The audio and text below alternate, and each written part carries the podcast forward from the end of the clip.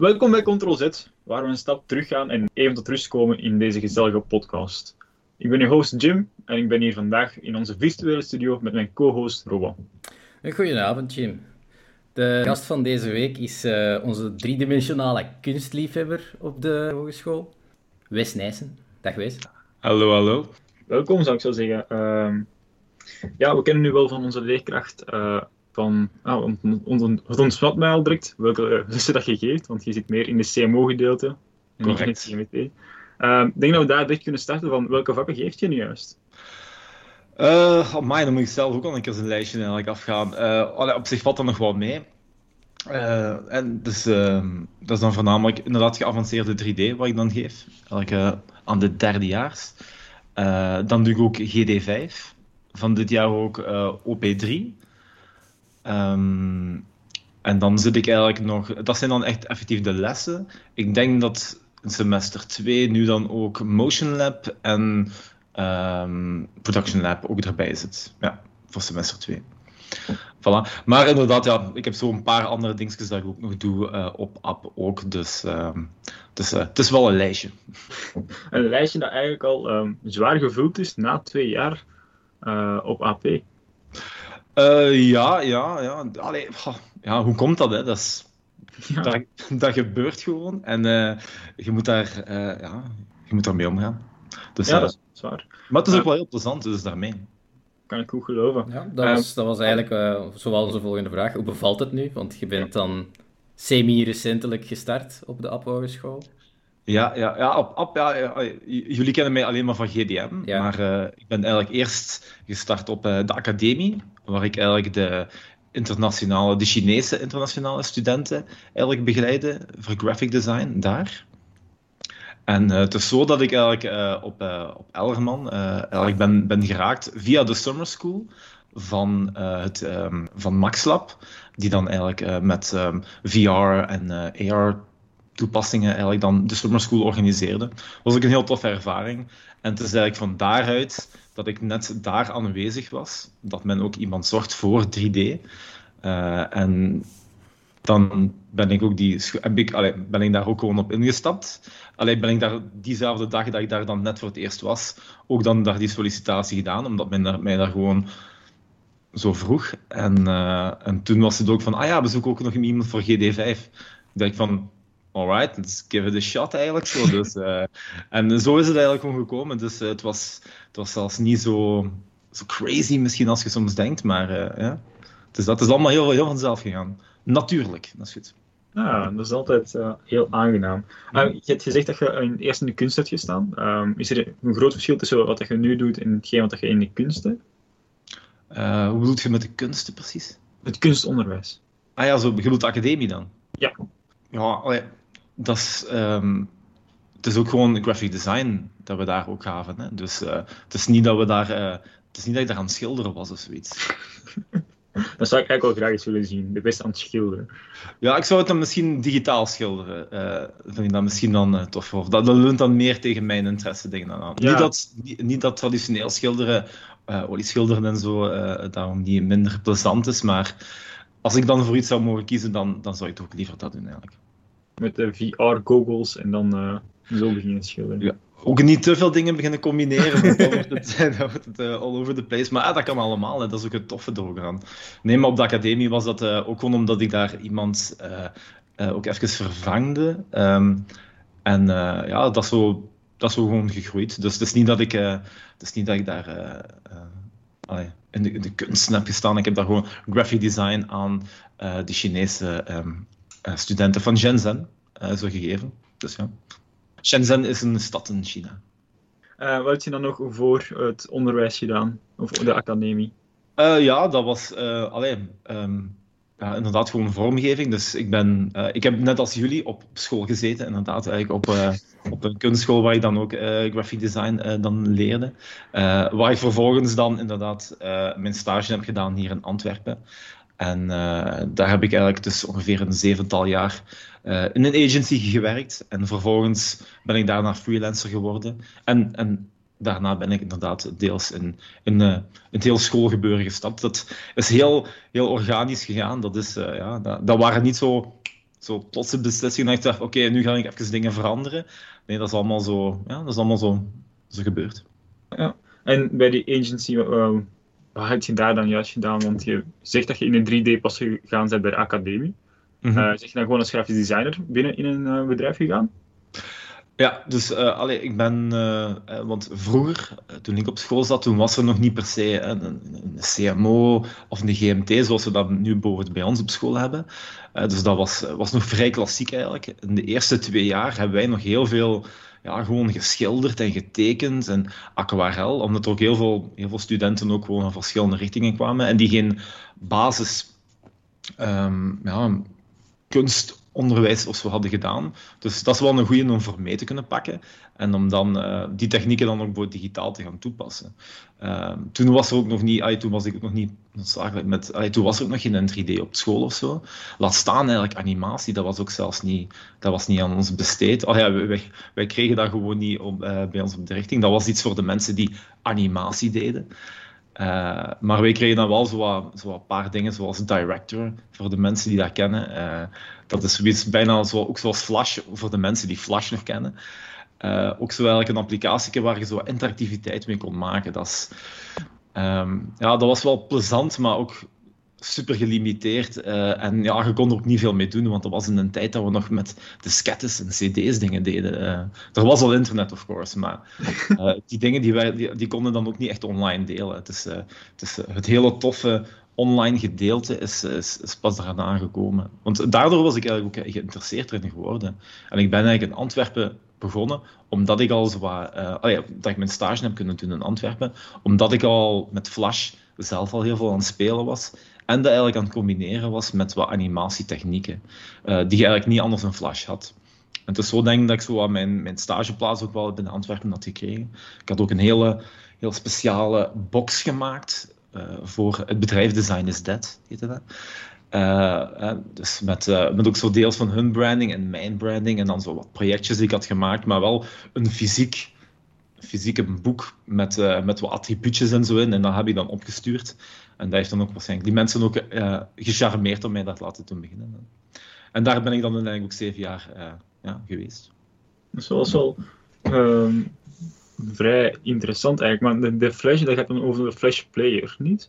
Ja, ja, jij kent dat misschien nog als Flash Player. Zo. Ja. Dat is wat zo, wat zo eigenlijk nu in een browser niet meer. Uh, allee, de... Dat kan al direct malware zijn of een virus ja. of zoiets. Ik denk, dat, ik denk zelfs dat dat net sinds dit jaar gediscontinued is. Ja, ja, dat heeft een, een heel trage dood gehad. Ja. Ook omwille wat, uh, wat er allemaal met mobile en zo is geweest. Maar het toffe aan Flash, back in the day, dus ongeveer wat is dat, 12 jaar geleden nu, dat was echt uh, was volledig open. Dat was, toen kon je zotte dingen op het internet maken. Niet dat je dat nu niet meer kunt, maar toen was dat echt. Allee, dat was gewoon was helemaal out there. Dat waren zotte experiences. Uh, mensen maakten ook wat. Zo. de respons daarop was ook super. Um, bij die bureau, bij Design is waar ik ook toen een tijd ben begonnen, dat was ook een van de beste Flash-bureaus van de wereld bijna eigenlijk toen. Hè. Dan, uh, ja, dat is misschien al veel, maar dat was echt hoog aanstaand, hè, want er kwam ook altijd feedback of zo dingen van Amerika en zo, op dingen die werden gemaakt. Zo. Uh, ik denk tegenwoordig als je een, web, websiteje maakt, dat je niet meer dezelfde respons hebt. Dus toen was dat nog echt ja, de Wild West eigenlijk online. Dus dat was, uh, ja, dat was toen tof. En toen is echt zo die dominante HTML-only toestanden gekomen. En voor mij was het ook een beetje van, toen begon alles een beetje eruit te zien als uh, ja, de gouden gids eigenlijk. Zo veel te statisch, uh, die menu. Dus, ah, ik vond dat niet meer interessant. En het is daarmee dat ik ook...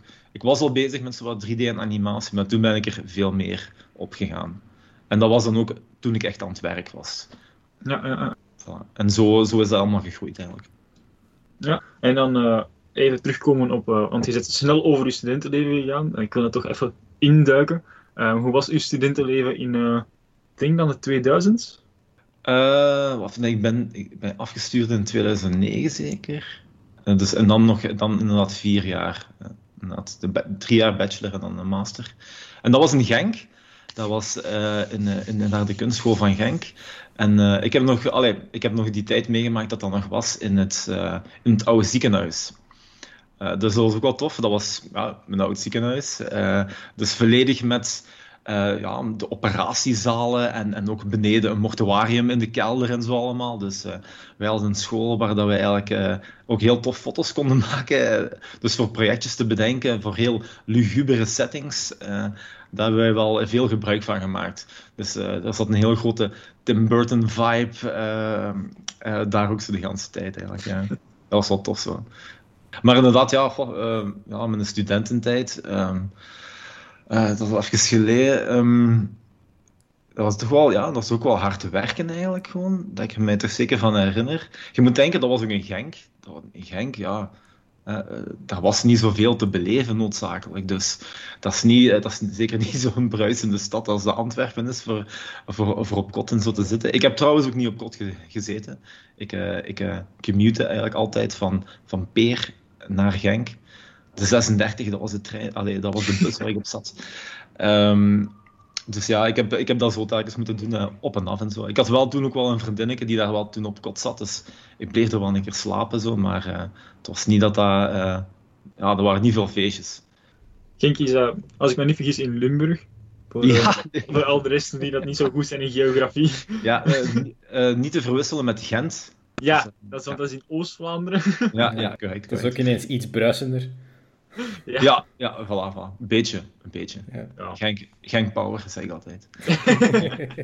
uh, nee, nee, maar, uh, maar het gaat... Ja, langs de ene kant leunt het ook zo wel goed dat je...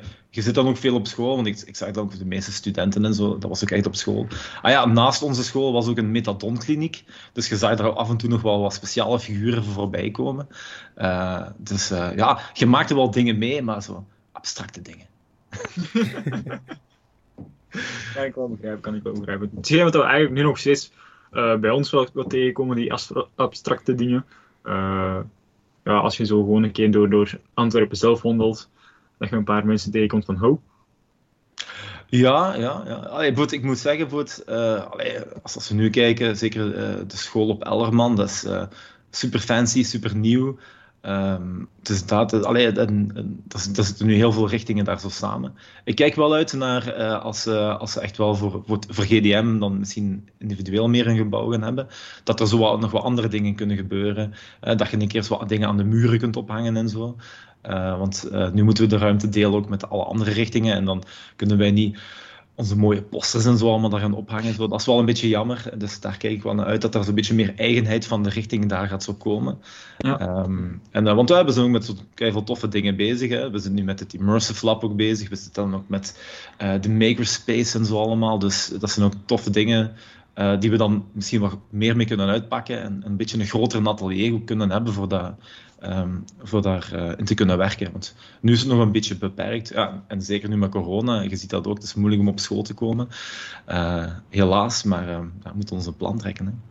Ja, uh, ik, ik, ga er dan vanuit dat je dan over de nieuwe campus bezig bent, als ze nu aan het bouwen zijn. Ja. Dat is nog een, een droom van twee, drie jaar, neem ik ja. aan.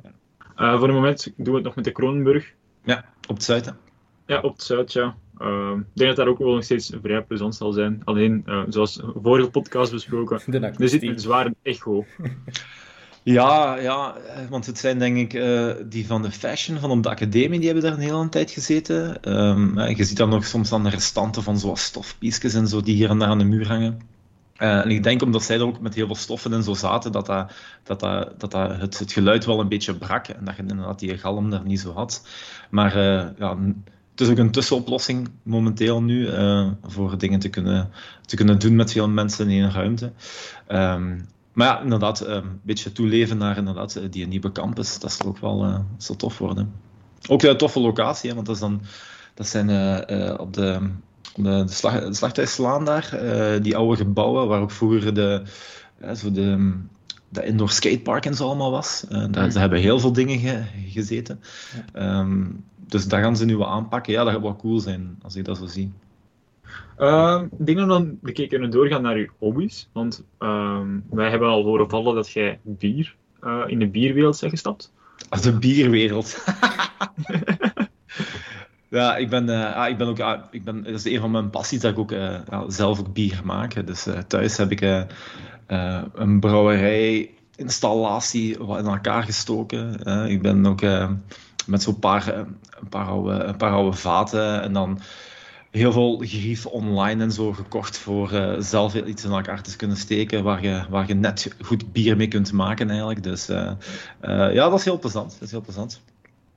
heb je dan zelf ook al veel verschillende soorten bieren gemaakt? Gelijk een triple of een, een gewone pils? Ja, dus ja, je begint inderdaad met uh, ja, zeker een triple of zoiets. En genoeg alcohol uh, en, en, zo voor te kunnen maken of te kunnen drinken. Maar um, je gaat snel natuurlijk misschien wat andere stijlen proberen ook. Ik, ben, um, ik heb ook wel, wel graag verschillende soorten bier. Dus eigenlijk maak ik nu bij zo'n spreken bijna elke stijl. Er zijn natuurlijk wel heel veel stijlen en heel veel substijlen. Maar ik zou wel zeggen, zo alles van inderdaad een triple, een dubbel. ik mag zure bieren. Ehm, dan zo meer Noorweers, uh, Scandinavisch geïnspireerde bieren die met kwijkgisten en zo worden gemaakt. Dat zegt u misschien niet veel, maar um, het zijn wel interessante toepassingen om zo te kunnen doen in de bieren. Zo. Dus en eigenlijk draait het allemaal een beetje rond smaak. Hè. Smaak, um, drinken en eten, dingen die ik wel plezant vind. En dat is ook wel tof als je dat ook wel zelf kunt, want dan kun je het jezelf faciliteren. Hè. Maar waarom dan juist met bier? Dat is zo...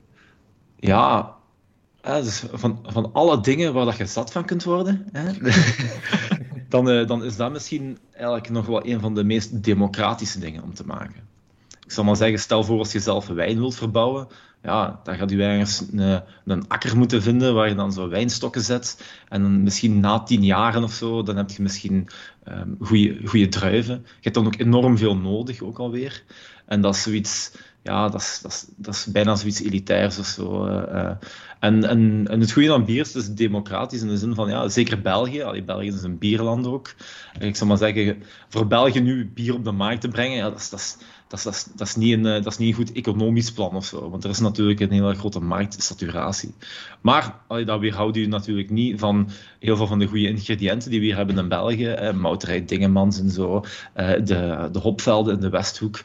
Dat zijn allemaal dingen die hier ook groeien en zo, dus waarom moet je daar ook niet gebruik van maken? Plus, je kunt natuurlijk ook gebruik maken van de, van de import, om dan die speciale Amerikaanse hoppen en zo te kunnen gaan gebruiken en zo ook. Dus België is natuurlijk een hele goede voor op dat af te zitten van bier, hè, als bierland. Maar ook die een, uh, die een access te hebben van, ja, we hebben gewoon maar goede bieren op, uh, op café hier. Als je naar het buitenland gaat, zeker vroeger, ja, dat was alleen maar pils uh, of zoiets. En ja, dat was geen, was geen vetten. Hè. Daarmee dat meer mensen eigenlijk in het buitenland. Want ja, ik ben beginnen bierbrouwen omdat ik dat zo heb gezien hoe dat, dat in Amerika is gegaan. En ook zeker met de opkomst van IPA's toen. Um, en dat was wel interessant. Maar dat was, dat was bijvoorbeeld een van de bieren dat je bijvoorbeeld dan hier minder, minder goed kon vinden. En, uh, en het is zoals ik zei, van, door dat zelf te maken, ah, dan kunnen we wel mee experimenteren. En eigenlijk ook zeker IPA's in het begin, en nu nog altijd, dat was niet goedkoop. En dat is nog altijd niet goedkoop voor zelf te maken, ook niet. Maar uh, tuurlijk, daar kun je natuurlijk wel uh, serieus nog wat in besparen. Het ligt er maar aan hoeveel dat je drinkt. Hè. nee, maar ik doe dat ook graag van... Allez, ik geef ook graag een keer een barbecue of een pizza party of zoiets. En dan ook mensen uit te nodigen. En ja, dan moet er ook drank zijn. En, en dan misschien lust iemand niet dat. Maar dan heb je misschien ook weer, weer iets anders ook dat mensen wel lusten. Want ja, naast bier maak ik ook uh, cider. Um, wat dan inderdaad van een appelwijn is. Uh, of dingen zoals limoncello of zo. Dus inderdaad, spelen met die smaken. Maar ook non-alcoholische dingen. Dus zoiets als een kombucha. Dus dat wil ik toch maar erbij zeggen. Want anders, uh, anders krijg je dat weer bestempeld. Anders krijgen we de naam van uh, niet meer 3D-lector, maar de bierlector. ja, voilà. In de, in de, juiste context is dat oké. Okay. Uh, ik ga dan even doorvragen. Heb je toevallig ook nog andere hobby's buiten gewoon bierbrouwen en, en sieren en zo? Um, goh, ja, op zich hetgeen wat ik doe ook. Um, zoals met het ontwerpen bezig zijn. Als dat nu niet gewoon het lesgeven is, maar uh, ik ben nu ook, um, ook zo lang nu ook freelancer. Um, ja, het is hoe dat je daar ook mee omgaat. Als je daar echt zo... Ja, je leeft ermee. Hè, dus uh, dat is niet zozeer een 9 to 5, dus eigenlijk is het ook een beetje wel altijd on your mind. En ik heb altijd nog wel gewoon een paar projectjes hier en daar lopen. Ook zo met zo'n vrienden en zo. Um, dus dat zijn dingen waar ik wel zo mee zo bezig ben. En dat, en dat uit zich op veel verschillende manieren. Soms is dat misschien inderdaad iets voor VR. Soms is dat ook gewoon drukwerk of zoiets. Ehm, of inderdaad gewoon spelen met uh, nieuwe technologie en zo. Ehm, die dingen. Dus dat valt inderdaad wel in de algemeen gewoon design thinking en, en, en gewoon met, uh, met, met onze craft bezig zijn eigenlijk. Hè. Dat is gewoon al plezant op zijn eigen. Ik ga daar direct opspringen, want um, een van onze vragen die we voorbereid hebben is uh, hoe zie je de toekomst evolueren voor de grafische wereld? Want je zei zo aan het zeggen van dingen testen en zo, maar hoe zie je dan de grafische wereld ja, echt uitbreiden? Gaan, gaan wij overgaan naar enkel VR? Gaan wij enkel digitaal gaan? Of gaat de druk echt gewoon blijven? Ja, nu naar zo druk specifiek. Uh, ik denk dat dat nooit helemaal gaat verdwijnen, maar ik denk dat dat wel eerder meer iets luxueus gaat worden. In de zin van, uh, zo Alombrol, hè, de reclamebladjes en zo, dat mag eigenlijk allemaal, dat mag eigenlijk allemaal weg. Hè. Uh, dat, heeft, heeft heel weinig mensen hebben daar eigenlijk iets aan, denk ik. Uh, als je tenzij dat je kortingsbonnen verzamelt, maar tegenwoordig heb je ook digitale kortingsbonnen, dus doe het daar. Maar ik denk dan ook weer gewoon aan een goede boek. Een goede, schone boek. Dat gaat er niet snel kunnen veranderen. Um, plus, ja, niet iedereen leest ook graag op een iPad en zo. Um, dus je, zeker niet de oude generatie, maar die nieuwe generatie ook niet. Dus uh, als dat zou weggaan, dan zou dat nog heel lang duren, denk ik eigenlijk. Maar dat het wel meer in die premium uh, kansen wel gaat zijn. Dat denk ik dan wel. Ik denk dat het altijd wel. En ja, dat blijft een niche. En ik denk van als het niet gewoon dan druk is, maar dan voornamelijk ook andere druktechnieken. Alles van zeefdrukken en zo. Of uh, Um, ja, ik ben niet zo heel, heel goed thuis in de drukwereld, maar zo alles wat nog echt wel met de hand kan gedaan worden en dat je dan ook ziet, dat is met de hand gemaakt zeker. Dat zijn dingen die denk ik sowieso nooit gaan weggaan. Dat wordt dan, ja, dat, dat, dat zit dan in, in de craft bij mensen. Uh, en ik zie het ook bij, bij, bij mensen die ik ken hier ook. Uh, uh, als je dan kijkt naar uh, Kastaar hier in Antwerpen ook, uh, die heel klein uh, drukkerijken die alles handmade doen. Dat is super charmant. Daar kun je, allee, de dingen dat eruit komen zijn kei tof. Um, daar wordt ook over, ik zal maar zeggen, daar wordt over drukwerk ook nagedacht. Op veel meer manieren dan alleen maar zo die file druk klaarmaken en zo allemaal. Dus dat zijn de dingen die de boot echt nog wel een grote meerwaarde gaan hebben. Zeker voor het druk. Dat gaat niet snel verdwijnen. Um, en ja, en hoe dat het digitale gaat overnemen. Ja, ik denk dat je dat zeker zoals nu met corona ook zo al merkt. We zijn geforceerd in dat digitaal communiceren nog meer als vroeger. Um, ik ben dus benieuwd, na deze allemaal, um, gaan we dan wel meer terugvallen? Hè? Gaan we dan meer en meer naar de oude waarden teruggaan? Uh, gewoon, kom, uh, geen Teams-meeting, laten we gewoon s'avonds een vuurtje maken, iedereen er rond zitten, kumbaya, en dat we dan zo over onze problematiek kunnen praten. Hè. In de plaats van om dat online galspuwen de hele tijd. Ah, ja. Want dat zorgt ook wel een beetje voor een disconnect. En allee, ik denk dat we dat ook op school ook merken. Het is ook gewoon veel toffer om met iedereen samen te zitten en snel wat dingen kunnen bespreken, zonder dat dan zo direct uh, die buzzer van die ring van Teams afgaat, met zo de volgende en dan de volgende. Het is ja, een beetje gemoedelijker weer maken. Dat, uh, daar kijk ik toch wel naar uit. Ik denk, denk jullie studenten ook. Hè. Vooral ja, en ik denk dat die buzzer bij u wel vaker afgaat na zo'n hele dag GD5. Uh, naar de andere. En dan ook direct een berichtje wanneer je die op tijd zet. Ah ja, ja, ja. ja. Lang, langs twee kanten kan dat gebeuren. zeker, zeker. Um, wat zijn dan uw verdere interesses buiten dan het biergedeelte? Uh, heb je dan nog interesses naar andere uh, dingen? Gelijk op vakantie gaan of andere? Oh ja, tuurlijk, tuurlijk. Ja, sowieso. Wie gaat er nu niet graag op vakantie, zou je zeggen? Uh, ah, je moet, want zoals vroeger ook. Um, of, ik combineerde nog wel graag. We gingen vroeger ook soms met, met, met, een paar vrienden naar het OFF-festival in Barcelona. Ja, dat je dan daar een beetje vakantie aankoppelt ook. Zo, dat je dan ja, op een cool locatie bent met, uh, met veel toffe mensen. En dat je ook, uh, ja, ook gewoon toffe mensen hoort praten ook over hun werk. Ehm, dat zijn dingen die ik toch zeker graag probeer te combineren. Eigenlijk zo. Ehm, maar ja, waarom ook niet naar, naar een ander land gaan voor daar gewoon in de zon te gaan liggen? Dat kan ook zeker. Of we gaan snowboarden. Ook altijd plezant om te kunnen gaan doen ook. Um, voilà, zo die dingen. Maar ja, andere hobby's, ja, zoals ik al, zoals ik al even aanhaalde, ja, zo koken en zo. Ik kook ook heel graag. zeker in de zomer. ik maak heel graag pizza. Dus dan is het echt van het deeg. Ik gebruik dan ook mijn biergisten voor eigenlijk ook zo de deeg ook dan te prepareren. Dat je een deeg twee dagen rustig laat rijzen en zo. op een koelere temperaturen. Om dan zo super elastische deeg te hebben die super crispy uit de vuuroven komt. Um, want het is zo dat ik altijd wel... ik, heb, ik heb hier thuis nu gewoon zo'n klein oventje, dus gewoon uit metaal uh, dat dat maakt. Maar bij de maat van mij heb ik uh, uh, een steenoven gebouwd. Dus een veel grotere. ook omdat ik die niet echt hier in de tuin per se kwijt... Allee, dat ik die daar wou zetten. Plus, je moet dan ook keiveel hout altijd voorzien. met mijn kleine oven dus zijn dat gewoon houtpellets. Dus dat is heel praktisch om die dingen te kunnen doen. Ik heb het ook wel graag praktisch, dus dat is wel goed.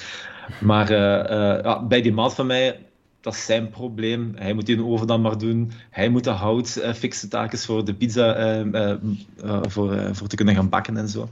Dus, ehm, maar dat is, dat is wel want dan kun je natuurlijk grotere pizza's maken en meer pizza's tegelijkertijd. Dus ja, het is dat, zo van die dingen. Ja.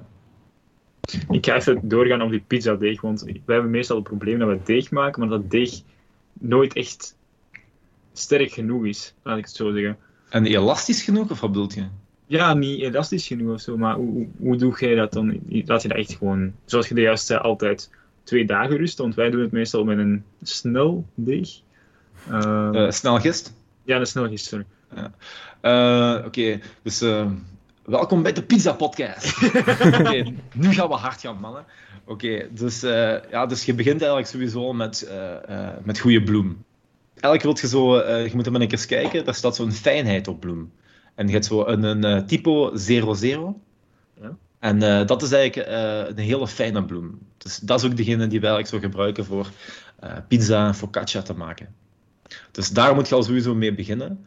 Ehm, eh, waarom? Omdat bij, dat fijn, bij die fijne bloem, dat kan, dat kan, dat kun, het is daardoor dat je een hele fluffy, heel zachte textuur ook zo krijgt van bij je deeg.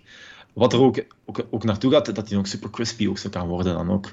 En ook veel meer lucht uh, kan bijhouden. En die gluten, die, glut, die glutenketens die daarin ontstaan, die worden ook veel elastischer, waardoor dat je ook, um, ja, ook een hele dunne Um, uh, of, of, ik zal maar zeggen, als je inderdaad je, je, pizzabodem in gaat maken bent, dat je die eh, tegen het licht kunt houden en dat je er ook kunt doorkijken. Dat die op een bepaald moment zo dun is, dat die niet scheurt als je hem goed behandelt.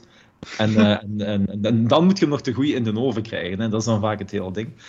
Uh, en, ja, maar daar hebben we verschillende technieken voor. Maar het ding wat wel het plezante is, en vroeger dacht ik ook altijd van, in zo'n films, je ziet die mannen zo de pizza deeg omhoog gooien. Ik dacht, dat is allemaal bullshit, zo, hè. dat is gewoon puur voor zo de show.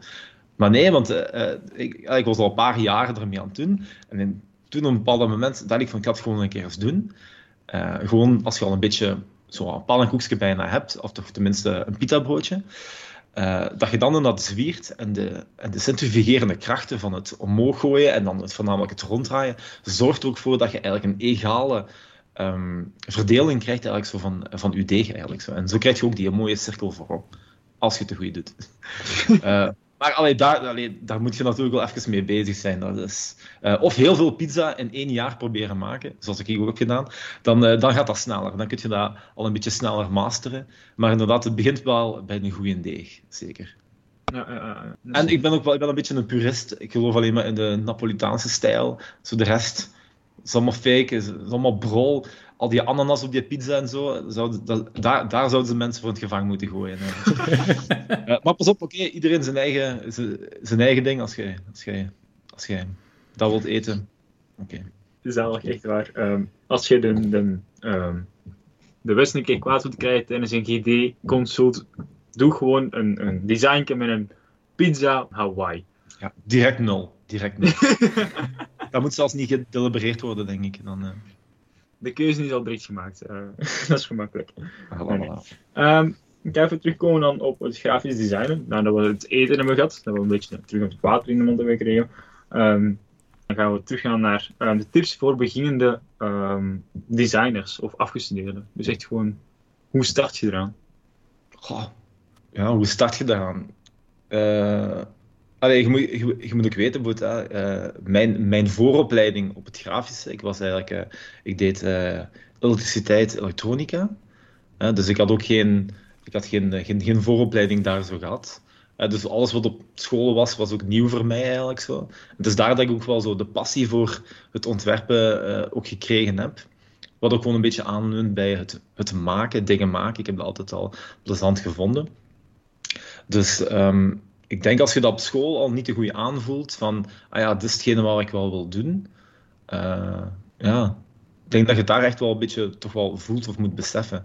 Of tenminste welke richting dat je dan een beetje wilt uitgaan. het is daarvoor dat die stages ook wel belangrijk zijn, om, om dan zo'n keer van dat werkveld uh, geproefd te hebben. En ik denk ook heel belangrijk, inderdaad, de keuze van je stage.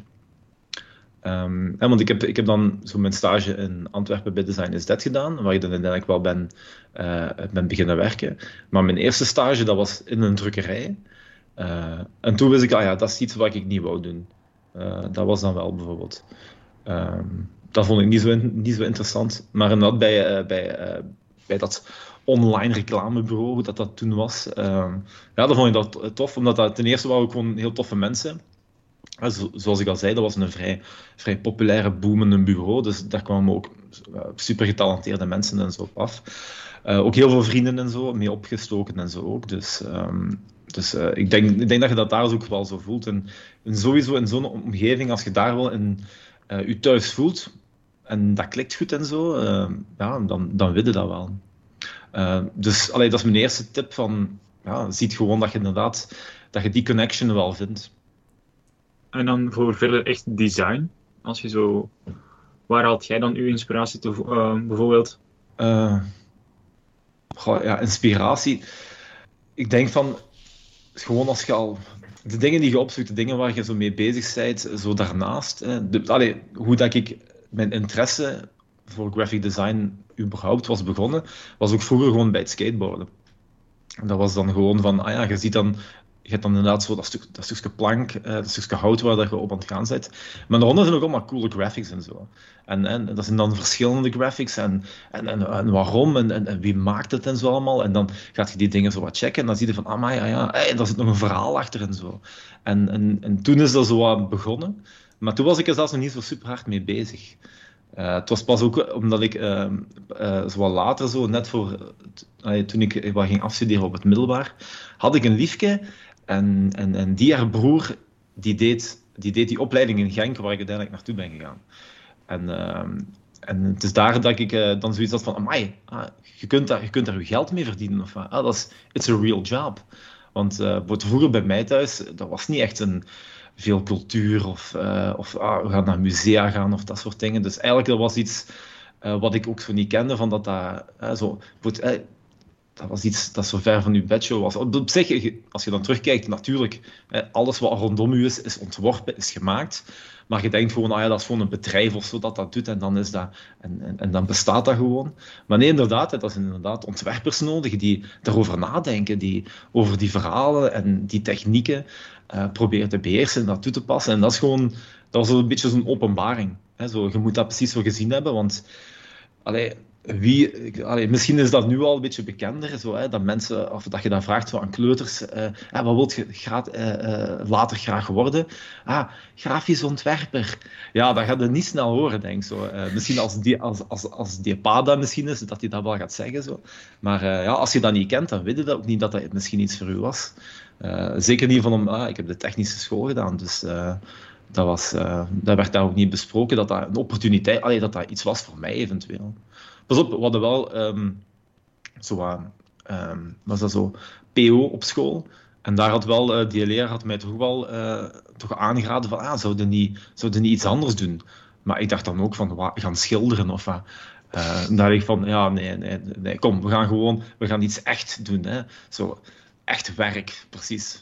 Want, en, en zo kijk ik er tegenwoordig ook naar. Ik vind dat heel tof, hè, dat wij zo ja, ons, onze kost kunnen verdienen met zo'n dingen te maken. En ja, dat is uh, super zalig gewoon eigenlijk.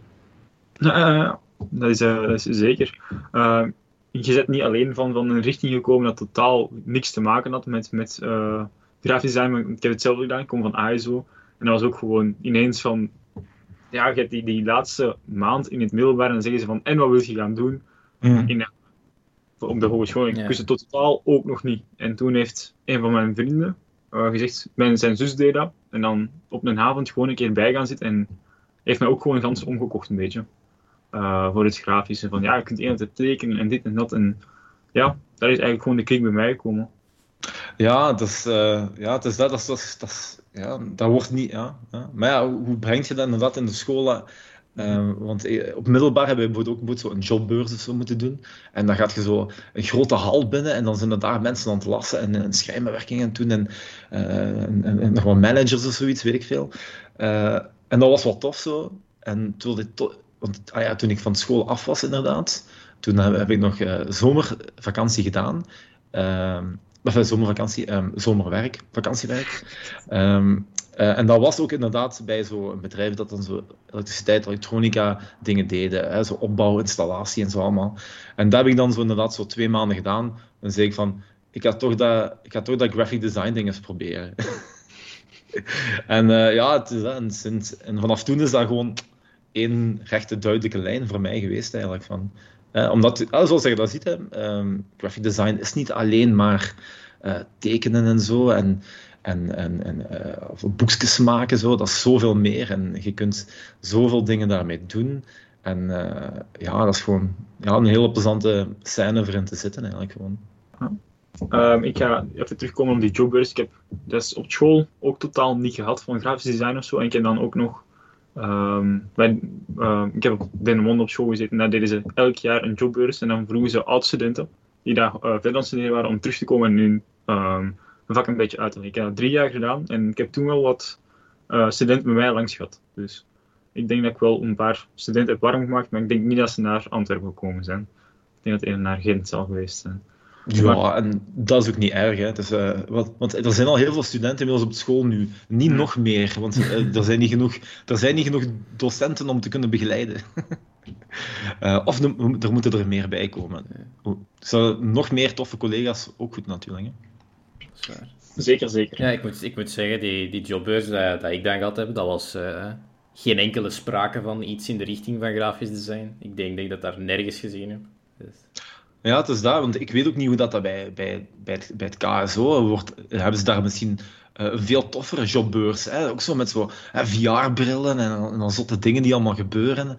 Uh, ik denk het eigenlijk niet. Ik denk niet dat dat zo wordt gedaan. Ik denk dat je maar juist een beetje chance moet hebben dat je weet van, ah ja, hey, er is nog een hoger onderwijs in de kunsten en je kunt daar iets mee gaan doen. Ja, ik vind het eigenlijk wel dat we een beetje um, vergeten worden bij de, bij de scholen, weet je, vind ik dan. Um, maar zoals je zei, we zitten al met, met genoeg uh, in, die, in, deze jaren. we gaan het niet nog meer uh, gaan promoten, maar het mag wel wat meer. Ja, ik weet niet. Pas op, je weet niet uh, wie nog naar deze podcast gaat luisteren en dan misschien ook denkt van, oh wow, I want to be like those guys. Ze zijn weer nog onderliggende reclame aan het maken. Het is dat. We gaan verder gaan. Uh, wat vind je eigenlijk van deze tijden, met deze uh, toch wel iets moeilijkere en turbulentere tijden, laat ik het zo zeggen? Uh, slaagt je u erdoor? Kunt je uw interesses nog een beetje opwakkeren? Zijn de muziek van nu nog goed? Is de media in het algemeen nog interessant? dus je bedoelt niet noodzakelijk corona's, hè? Nee, het nee, nee. mag echt gewoon alles ja, alleen, ja, een brede vraag. Stel ze nog eens.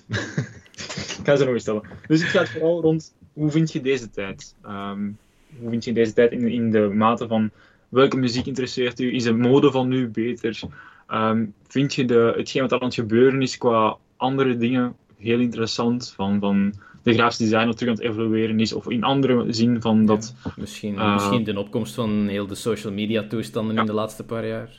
Ja. Of het internet, in het algemeen. Ja, ja, ja, het internet is natuurlijk super hard veranderd ook gewoon. Hè. Uh, als je dan terugkijkt naar zo'n 12 jaar, toen, toen, toen dat ik nog meer actief dingen voor aan het maken was. Nu gebruik ik dat meer zoals iedereen het vaak gebruikt voor gewoon uh, in eerste instantie wat bullshit te kunnen sharen en zo. Uh, dingen die gewoon totaal niet belangrijk zijn. Maar ook gewoon ja, ook je werk promoten eventueel. Ik ben daar niet altijd super goed in. Uh, ik, vind het ook niet zo tof om per se mee bezig te houden. Maar ik zie dat ook gewoon vrienden van mij die dat ook super goed doen. Uh, ja, die halen daar echt ook wel veel, veel die, die krijgen daar veel van terug. Ook in de zin van ja, dat je inderdaad out there zijt. Ik zal maar zeggen, dat is juist hetzelfde als je nu net van school zijt En uh, je probeert een beetje op te vallen en, en je wilt laten zien wie dat je bent. Je moet natuurlijk ook jezelf uh, laten zien. Je moet ook out there zijn om, om, ehm, om, uh, om, om te kunnen opvallen. Om bijvoorbeeld een keer een call call te kunnen krijgen van uh, een bedrijf dat misschien van u wilt samenwerken. Uh, ik heb veel vrienden die inderdaad zo... Ah, ik, ik zelf heb dat ook gehad. Is gewoon voor mijn, mijn beperkte online presence. dat ik zelf ook nog gewoon zo een mail of een telefoontje krijg. Dat ik zo denk van, hoe is het in godsnaam bij mij terechtgekomen? Zo. maar, dat, maar dat werkt wel. En ik denk hoe beter dat je dat aanpakt, hoe meer dat je ermee bezig bent, hoe efficiënter dat ook kan werken. Um, ja, zo heb ik toch al verschillende mensen echt wel groot zien worden. Ik denk, zolang dat, dat, zolang dat ook een, hele positieve... Zolang dat, dat heel positief blijft, uh, is dat ook gewoon heel tof ook gewoon om te kunnen doen. Want bijvoorbeeld... Uh, ik had dan bijvoorbeeld wel een keer zo'n één projectje. Dat was ook een beetje zo uh, een testcase om te kijken hoe dat ging gaan. Um, dat was... Um, ik, ik, ik, denk dat toen ook dingen uit, uit was. Inglorious Bastards. jullie kennen de film al van Ja, ja. Mm en uh, ik, ik, zat toen in die tijd ook zo, uh, uh, ik denk dat er nog zo een beetje heisa was, of niet echt veel, niet veel heisa, rond zo Coca-Cola, wat er zo, hoe dat Fanta ontstaan is eigenlijk. Ik weet niet als je het verhaal kent van Fanta. Niet echt. Ah, oké, okay, dus Fanta is eigenlijk ontstaan tijdens de Tweede Wereldoorlog. Ah. Uh, en waarom? Omwille van. Um, eigenlijk was er gewoon Coca-Cola. Dus Coca-Cola was het enigste product dat de Coca-Cola Company toen eigenlijk zo maakte. Uh, maar omwille van de oorlog kon de Coca-Cola-fabriek in Duitsland uh, die siroop ook niet meer krijgen van de, van de Amerikanen. Ja, omdat er natuurlijk een embargo was. Hè. Nazi-Duitsland had. had um, had alle contacten en zo verbroken. Maar ja, uiteindelijk, opeens had je daar wel een fabriek met honderden mensen die daar werkten. Uh, ja, en, en ze konden niks maken. Dus was hij, uh, die CEO daarvan, van uh, ja, we moeten hier met een oplossing komen voor iets, ja, voor iets te kunnen gaan verkopen, voor iets te kunnen maken. Want ja, anders moeten we misschien in de, in de munitiefabrieken gaan werken of zoiets.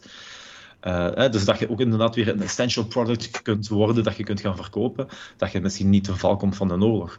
en toen heeft hij ook zo die woorden gebruik, gebruikt van gebruik deine fantasie. en ik denk dat je al hoort waar dat dan Fanta ook even niet vandaan komt. Uh, ja, dat is zo, dat is zo, dat is zo, ja, dat is zo een, verhaal dat je ook zo denkt van, ja, zo, is crazy toch gewoon, zo dat dat dan zo is gekomen. Um, en ja, ik, ik, was ook zo aan het denken van, ah, zo, dat lijkt me wel een tof ding voor misschien iets rond te doen. Ja, gewoon een klein projectje. Uh, en ik had dan eigenlijk, ik kwam dan op het idee, de Zaftmeister. En de Zafmeister, dat klinkt al zoiets als zo, precies zoiets vanuit die typische jaren 2000 uh, telereclame. Hè, zo de Juice Master 2000. Hè, kun je alles mee juicen. Maar met dan een ding van, wat zou dat product, maar dan in de jaren 30, 40, eh, toen dat uh, nationaal socialisme in Duitsland eigenlijk zo aan het boomen was eigenlijk. Ehm, ja, en toen heb ik zo wat dingen gemaakt. Uh, ook zo in, uh, dus ik heb dan eigenlijk zo een juicer gemaakt. Maar een juicer natuurlijk voor een tijd dat er niet noodzakelijk veel elektronica was. Dus dat is een vrij bare bones gegeven. En uh, het ding was ook zo natuurlijk de swastika, het hakenkruis. Als je daar naar kijkt, eigenlijk is dat een propeller. Ja. Eigenlijk is dat een schroef. Eigenlijk kun je daarmee juicen. Mm En ja, je moet hem een keer zien op mijn website. Daar kun je dan zo uh, de 3D-renders en toestanden van uh, zien. Ik heb dat ook effectief uh, 3D gemaakt en ook uitgeprint. Dus het is echt een werkend functioneel gegeven. En dan ook zo met hamariet een beetje besmeerd om dan zo uh, zo die metaal, die geslagen metaallook eruit te krijgen. En dat was ook zo'n tijd omdat ik zo'n beetje met zo... Allee, ik was aan prop-making aan het denken. Uh, zo'n tof ding misschien ook om mee bezig te kunnen zijn. Ik heb er uiteindelijk niet zoveel meer verder mee gedaan. Maar ik heb wel dan zo'n keer een, een volledig idee voor um, eh, hoe, dat, hoe dat bijvoorbeeld een prop-maker voor bijvoorbeeld een Quentin Tarantino's in een film... Stel voor als er zoiets daarvoor nodig was. Ja, iemand moet dat maken. Iemand moet zoiets maken dat dan zo niet bestaat en dat ook zijn gehele eigen vormgeving had. Dus als je kijkt naar die Juice Meister, dat staat ook vol met hakenkruisen en zo. Heel fout. Maar dat embodied wel natuurlijk die stijl van toen.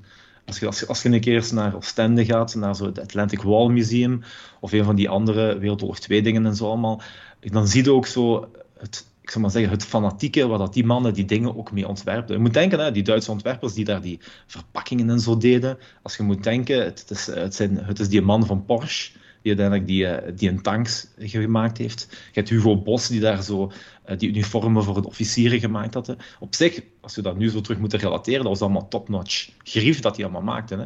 Zeker als je dat vergeleek met hoe dat het leger van de Amerikanen en zo eruit zagen. Hè. Amerikanen hebben ook gewonnen omdat ze gewoon veel meer hadden. Dus het was echt ja, een overmacht. Ehm, en het is gewoon zo die en, en die... Uh, als je dat verhaal bekijkt... Ah ja, je moet ook weten, ik ben natuurlijk ook... Uh, ik heb tien jaar in Duitsland gewoond. Ik ben, ik ben daar opgegroeid. Van, uh, van mijn één tot mijn tien jaar. Dus ik heb al een bepaalde... Omdat ik... Ah, mijn vader was daar gestationeerd. Hè, ook, um, omwille van, de koude, van de Koude Oorlog. Hè, zo kent wel de muur verdedigen. de, de, de, occupatie van, van Oost-West-Duitsland en zo allemaal. Dus ik heb die dingen wel van heel erg bij een beetje meegemaakt. Allee, de fallout daarvan. Zo'n beetje... Uh, ja, ik ging naar school op de militaire basis. Uh, Oké, dat was met heel veel andere kinderen. En op zich, dat is precies hetzelfde als elke andere basisschool toen ik zo was. Of kleuterschool en zo. Uh, maar ja, dan nog, dan zit je zit wel op een school waar dat er tanks voorbij rijden en zo. Dus dat, ja, dat heeft, heeft mij toch altijd wel zo'n beetje allee, bijgebleven. Getraumatiseerd misschien zelfs. maar op zich, die interesse voor de... Ja, waarom komt dat? En je moet ook, als je het verhaal van Wereldoorlog 2, dat is een van de een van de verschrikkelijkste, maar meest geromantiseerde verhalen dat we eigenlijk van onze tijd en, en, en, en, en afgelopen drie generaties hebben mee hebben gemaakt. Uh, waar, wat de wereld ook helemaal veranderd heeft. En gewoon al die aspecten die daarbij komen kijken en al de dingen die daaruit zijn gekomen, uh, ja, dat, ja, dat is altijd wel eens een beetje blijven hangen. Dus om, om, om daar soms naar terug te kunnen grijpen, ook van de esthetiek, vind ik soms wel, vind ik, vind ik toch wel tof. Um, en, en, misschien daarmee ook zo, want ik heb ook wel bepaalde affiniteit voor echt zo van die. De, dystopische, het, uh, de, het uh, bijna post-apocalyptische of zoiets. Zo. Soms, soms, soms, soms droom ik er ook wel van hè, dat, dat precies bijna iedereen weg is, dat dat hier een wasteland is en dat je helemaal alleen bent. Uh, bijna zoals dat soms aanvoelt in coronatijden eigenlijk. Uh, van, en hoe dat het dan zo is. Zo. Uh, dus, ja, ja. Niet dat ik dat prefereer tegenover mensen zien. Hè. Ik, ik, wil liever met mijn vrienden en zo dingen gaan doen. maar ja, dat is zoiets wat ik ook gewoon zo terugdenk naar vroeger. Dat, ik zo, ja, dat zijn zo flarden dat ik zo precies soms zie. Dus inderdaad, misschien deels fascinatie, deels trauma. Dat zich zo bindt eraan. Zo, en de, allee, het is dat is gewoon interessant om af en toe een keer terug iets mee te gaan doen. Kan ik wel begrijpen, want het is ook wel een topic dat heel breed gestudeerd is. Hè? Allee, bestudeerd eigenlijk. En uh, heel veel films van komen. De, de eerste die mij nu direct binnenspringt is Fury. Dat is een hele schone film, uh, maar ik denk dat daar ook wel wat dingen geromantiseerd zijn, zoals je Bij elke oorlogsfilm gaat je dat zo zien. En weet je, eigenlijk als mensen naar die films kijken, zouden ze eigenlijk bijna ook zo weer bijna moeten zien van wat is er toen fout gegaan. En je ziet natuurlijk heel veel dingen die ook nu gebeuren, uh, met extreem rechts en zo. Uh, uh, alle problematiek dat daar rondkomt, gewoon een, soort van anti-menselijk beleid. ook hoe dat men omgaat met met, zo, met uitwij, uitwijkelingen, uh, politieke vluchtelingen. Uh, de harde taal vandaag in de krant ook weer zo gelezen. Van zo, was er iemand een bulze die daar zo ook zo met van die. Met, met van die swastikas en zo op zijn auto rondrijdt, Vlaams Belang. Het kan niet op. verschrikkelijk om zo van die dingen eigenlijk nu nog altijd te kunnen zien. en dan zou je zo denken dat we moeten af en toe zo van die. Ook zo bij Band of, bij Band of Brothers en zo, dat ziet je ook zo'n beetje ja, het terreur en, en, de miserie dat zo, dat zo die tijd ook met zich meebrengt. Ah, ja, dan is het ook effectief al oorlog. Dat is natuurlijk het, de nasleep van, van wat er allemaal is gebeurd. Maar dat dat bij mensen ook zo niks wakker maakt. En soms opnieuw dingen moeten gaan evalueren en zo. En dat je ziet dat zo racisme precies in de laatste paar jaar ook zo weer precies soms gevierd kan worden. Zo. Ja, dat zijn ook de dingen waar je echt zo ziek van wordt. Gewoon. Uh, ja. Dat is niet tof om te zien dat is, dat is hetgeen wat terug aan het op, allee, opkomen, meer aan, aan het groeien is door het sociale leven. Het is, een, het is een utopia om met iedereen te kunnen praten, maar het is ook een dystopia dat iedereen kan zeggen wat hij wil. En soms komt het er ook wel heel slecht uit. Uh, want het is, het, is eigenlijk wel waar. Hè? Vanaf dat je in een, in een bubbel zit, dan hoort je enkel nog maar die bubbel. Omdat die Facebook u blijft vieren van die bubbel. Dus ehm, ik kan dat mensen geen fout aangeven, maar het is gewoon een dystopie waar we, waar we nu een beetje in aan het ontvallen zijn. Ja, alleen ik heb dat. Ik denk dan ook veel mensen zouden een keer wat meer moeten gaan reizen. Hè, om terug te komen op je vraag van uh, als je dan graag reizen ook. Ja, ik ben ook. Uh, ja, ik ben ook in Amerika geweest, ik ben dan eens in Engeland geweest, in Turkije, in Marokko, ook in China. dus ik heb al zo wat, ik heb niet alle culturen van de wereld gezien, maar je ziet dan ook gewoon zo alle toffe dingen dat iedereen overal gewoon doet. En, uh, en, uh, en gewoon omdat iemand hier is met een met andere huidskleur of zo, dat dat dan opeens een minderwaardige mens is of zo. Of die, die, komen, ons, komen ons geld afpakken, of onze vrouwen afpakken. En dat soort dingen allemaal. ja, dat is gewoon hoe los van de realiteit dat het mensen soms staan. En inderdaad in hun eigen bubbel. En de wereld is gewoon groter als dat. Dat is misschien een probleem. Tegenwoordig is er meer informatie de, de, manier hoe dat die informatie soms gebruikt wordt of en hoe dat ze daarmee ingaan, dat is gewoon soms heel, ja, heel, heel fucked up eigenlijk. Ja, ja, ja de, de informatierace die dat je vroeger had, is nu nog groter geworden. Dat, dat het product niet meer de informatie is, maar de personen. Hmm. Dat is spijtig eigenlijk. Maar we gaan daarvan losgaan en we gaan een keer overgaan naar de vragen die dat we hebben binnengekregen. Alright. Um, welk vak geef je het liefst? Oeh, dat is moeilijk. Uh, goh. Amai. Elk vak heeft zo zijn, zijn eigen... Ja, zijn eigen dingen. Weet je, ja, ik bereid niet zo super graag heel veel dingen voor. Hè, dus ik vind dat wel stoem als er zo super veel dingen moeten voorbereid worden. Maar soms wordt het dan ook weer... Ah, dat, is, dat, is, dat echt een moeilijke. Dat is een moeilijke. Maar ik, ben, ik ben op school, op, op GDM voornamelijk begonnen. zo initieel toch wel gestart met zo 3D. Uh, dat is, ook, dat is ook gewoon een tool dat ik gewoon graag gebruik en dat ik ook graag zie dat dat nu, hè, zo bij graphic design, dat dat meer een standaard wordt om te gaan gebruiken. Uh, omdat ik dat ook al jaren ook gewoon gebruik in mijn eigen werk, gewoon voor uh, soms standalone. Dus inderdaad dat het echt puur een 3D-project is. Of dat het gewoon een gemakkelijker manier is om snel iets te visualiseren binnen een groter geheel. Hè, dus of je maakt gewoon een elementje ervoor. Dus uh, die dingen zijn daar tof om te kunnen zien. Dus, maar, maar bij GD5, dus bij graphic design gewoon, dan, dan um, ja, daar mag ook met 3D gewerkt worden. Dus, dus ik vind het ook tof als er bij een project, als er nu een posterproject is, ah ja, waarom mag er geen AR ook bij gebruikt worden? En gebruik dan eventueel uw beperkte 3D-skills of daar iets met After Effects snel mee doen en zo. Um, dat, vind ik, weet je, dat vind ik het toffe aan, aan, aan, aan de digitale vormgeving met al die tools te kunnen werken. Ik heb niet per se een voorkeur. Ik gebruik dat graag op de juiste manier samen.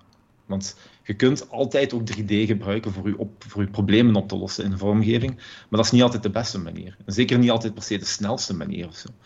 Ehm, dus dat is een moeilijke. Het is niet echt zo, welke is, man, is mijn favoriet, want ik vind, ik vind ze allemaal heel tof. En soms vloek ik ook op de, op de 3D en zo ook allemaal. Dus snap je, het is ook een liefde-haatrelatie. Uh, ik denk dat mijn studenten, zeker bij 3D, dat ook zeker wel kunnen, kunnen beamen. Want uh, zeker dit jaar, uh, um, in de plaats van de zes keren les dat we hebben gehad, hebben we nu twaalf keren les. Dus niet om de twee weken zes uur, maar om de week um, maar anderhalf uur. En dat zorgt er ook voor dat natuurlijk wel telkens een bepaalde taak erbij komt kijken. Maar dat zorgt er natuurlijk ook wel weer voor dat dat... Oei, dat is, weer, dat is nog een extra taak binnen die week. Uh, ik probeer er wel rekening mee te houden dat het niet te moeilijk is. Maar dat is ook hetgeen bij 3D. Je maakt het nu zelf zo moeilijk als je zelf wilt vaak. En hetgeen is, als je nog aan het leren bent, dan is het sowieso heel lastig. En inderdaad, er zijn nog verschillende manieren om een probleem aan te pakken. Dat is ook wel het tof aan, aan ontwerpen. Er is niet één manier om die dingen te doen. En ik laat die vrijheid ook. Want ik zeg ook niet, doe deze tutorial, maar gebruik deze tutorial als je misschien vastzit of als je uh, wat meer tools voor hulp nodig hebt, maar dat je dan wel daaruit leert en zeker niet kopiëren, maar dat je gewoon um, die, die kennis ervan probeert te pakken, te absorberen en dat probeert te transformeren in je eigen ideeën. Dat je zo mogelijkheden ziet. Dat, dat, dat vind ik het belangrijkste om, om ook mee te kunnen geven en, en, en ook die, uh, die attitude te behouden. Dus ja, dus geen, geen eenduidig antwoord. Geen probleem, geen probleem. Um, uh, welke 3D-toepassing vind je het uh, leukst om te gebruiken? Uh, toepassing. ja, allee, nu, in de laatste tijd, we zijn nu in het Immersive Lab nu ook bezig met een photogrammetry rig te maken.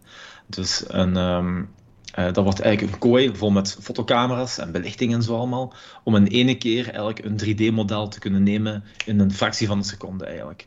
Super accuraat, super gedetailleerd. Uh, en ik kijk er wel naar uit om daar bijvoorbeeld wel weer interessante dingen te kunnen gaan doen. Uh, op school, met studenten en ook voor externe partners en zo allemaal. Dus dat zijn de dingen waar ik nu zo'n beetje naar uitkijk.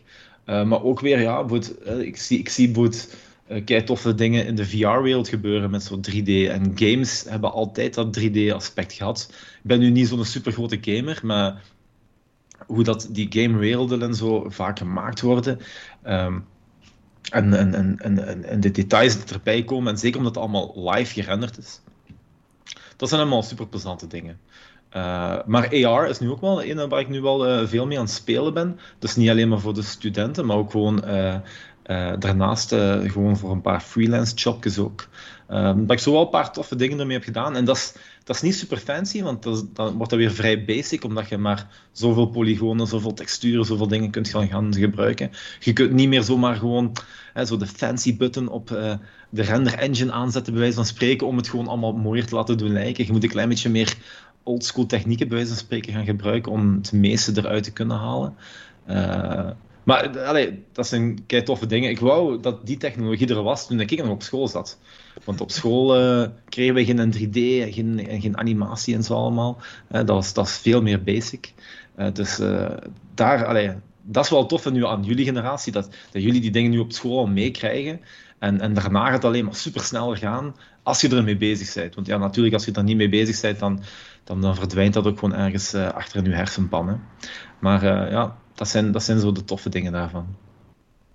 Um, ja, ik vind het zelf ook wel. Allee, ik ben nu zelf een klein beetje als GMT in de 3D-wereld gestapt, maar het is echt wel een learning curve. En ik heb het al vaker gezegd: het is een learning curve waar je eigenlijk tegen een muur aanloopt. Het is echt gewoon vol met je zicht tegen een muur en dat je echt moet gaan beginnen muur klimmen. Want ik ben in Blender begonnen. In sommige mensen zeggen dat het iets moeilijk, moeilijker is om in te beginnen, maar het is wel echt.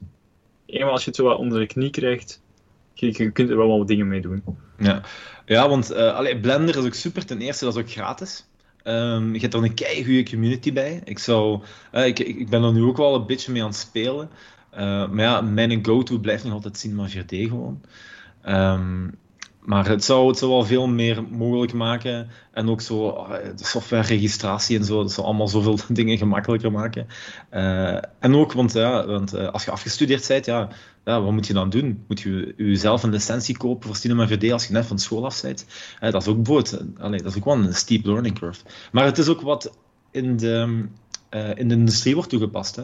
Als je nu naar een bureau gaat waar dat er met die software wordt gewerkt, ja, uh, dan is dat soms lastig als jij zegt van, ah ja, ja ik ken alleen maar Maya. Ja, sorry, dan kun jij niet in onze workflow komen, want ja, dat is dan misschien te groot van een verschil. Maar ja, langs de ene kant, als je één 3D-programma kent, je zit natuurlijk snel omgeschoold in een andere. Hè, want de principes blijven hetzelfde, grotendeels. Uh, sommige hebben meer opties. Maar Blender is wel een hele toffe. Maar specifiek daarvoor, en ik hoop dat we dat misschien in de komende jaren wel wat meer kunnen gaan toepassen ook, wil ik wel eventueel een, een, um, een um, uh, zo'n crash course doen voor 3D, voor zo eerstejaars of tweedejaars. Maar niet met een Cinema 4D of een Blender, want inderdaad, die interface is heel uh, heel confronterend, zeker als je nog maar net begonnen bent met Photoshop en zo allemaal. Uh, al die knopjes onthouden, dat is al veel. Mm Maar als we dan kijken naar zoiets als een Adobe Dimensions, uh, dat zit ook in, in het Adobe pakket. dat is eigenlijk een keigoede basic tool om gewoon al wat beginnen te spelen met 3D-typografie. En dan met, met een hele simpele interface die een echt, ja, die echt die iedereen bijna kan zo gebruiken. Zeker als je de Adobe pakketten al gewoon bent. Um, het toffe is ook van, van Dimensions dat je ook heel snel even kunt, spelen met AR en al die dingen en zo allemaal. Dus, uh, maar dat, dat gaat misschien wel 3D wat toegankelijker maken. Uh, ook voor de GMT'ers, die misschien zoiets hebben van, oh nee, hè, daar wil ik niet aan, niet aan beginnen. Maar dat je tenminste een paar tools hebt waar je toch iets, iets mee kunt gaan renderen. Of iets interactiefs mee kunt gaan maken. Zonder dat je direct zo'n code wizard moet zijn. Ja, ja, want dat is wel een klein beetje dat ik zo wat gemist heb in het eerste jaar. Waar dat je zo wat leert van 3D en HTML en zo. En dat hebben we eigenlijk nooit niet echt gehad. Um, dat is iets wat ik min of meer wel gemist heb. Ja, het, zijn ook wel keuzes nemen. Hè. En, en, want als je, ik denk dat als je elk jaar afgaat, hè, dan gaat je aan elke student vragen: en hoe is het? Oh ja, het is kei druk. Er zijn kei veel projecten en dit en dat allemaal. En het volgende jaar is dat juist hetzelfde. En dan het laatste jaar is ook: amai, het is nooit zo druk en zo moeilijk geweest. en dan moet je gaan werken. En dan is van: amai, amai dat gaat hier snel. en, dan, en dan totdat je dat een beetje gewoon wordt. Ehm, hè, en dan kiest je ook een bepaalde dingen uit, want je kunt ook niet alles doen. Um, ik ben nu ook wel iemand die, die wel veel dingen combineert. Hè, dus eh, ik doe eh, de standaard graphic design stuff. Bovenop dan zo wat video, uh, uh, animatie, wat special effects, 3D. daar zo die combinatie van. Ah, om gewoon toffe dingen te kunnen maken. Maar het is natuurlijk niet evident, want je moet al die dingen leren, combineren ja, het, maakt het er zeker niet gemakkelijker op, noodzakelijk. Maar als je die dingen één keer beheerst, uh, dat is wel tof, want dan is het ook multi-inzetbaar bijvoorbeeld. Zeker toen ik op een bureau werkte, nog bij Design Z, ja, ik deed zowel van alles. ik heb dat alles van projecten te filmen, animeren, 2D-animaties, 3D-animaties, interactieve stuff, games tegen, tegen gebouwen geprojecteerd.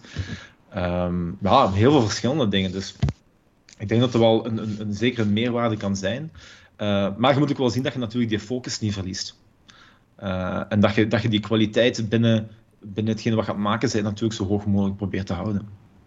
En dat zie je misschien wel soms vaker bij, bij misschien generalisten, die dan misschien ja, inderdaad misschien een beetje um, dan toch weer op ene kant eh, focussen en dan misschien de big picture dan zo weer een beetje verliezen. Maar, uh, maar ja, het, is, het is sowieso niet, niet gemakkelijk om alles gewoon te combineren. En zeker niet om in alles goed te zijn. Want ja, in alles goed zijn, wat, wat betekent dat? Uh, iedereen maakt nog altijd constant fouten. Hè. Ik, ik betrap mijzelf ook dat ik soms, soms ook nog dezelfde fouten maak die ik dan soms tegen jullie zeg van, hé, hey, dat is fout.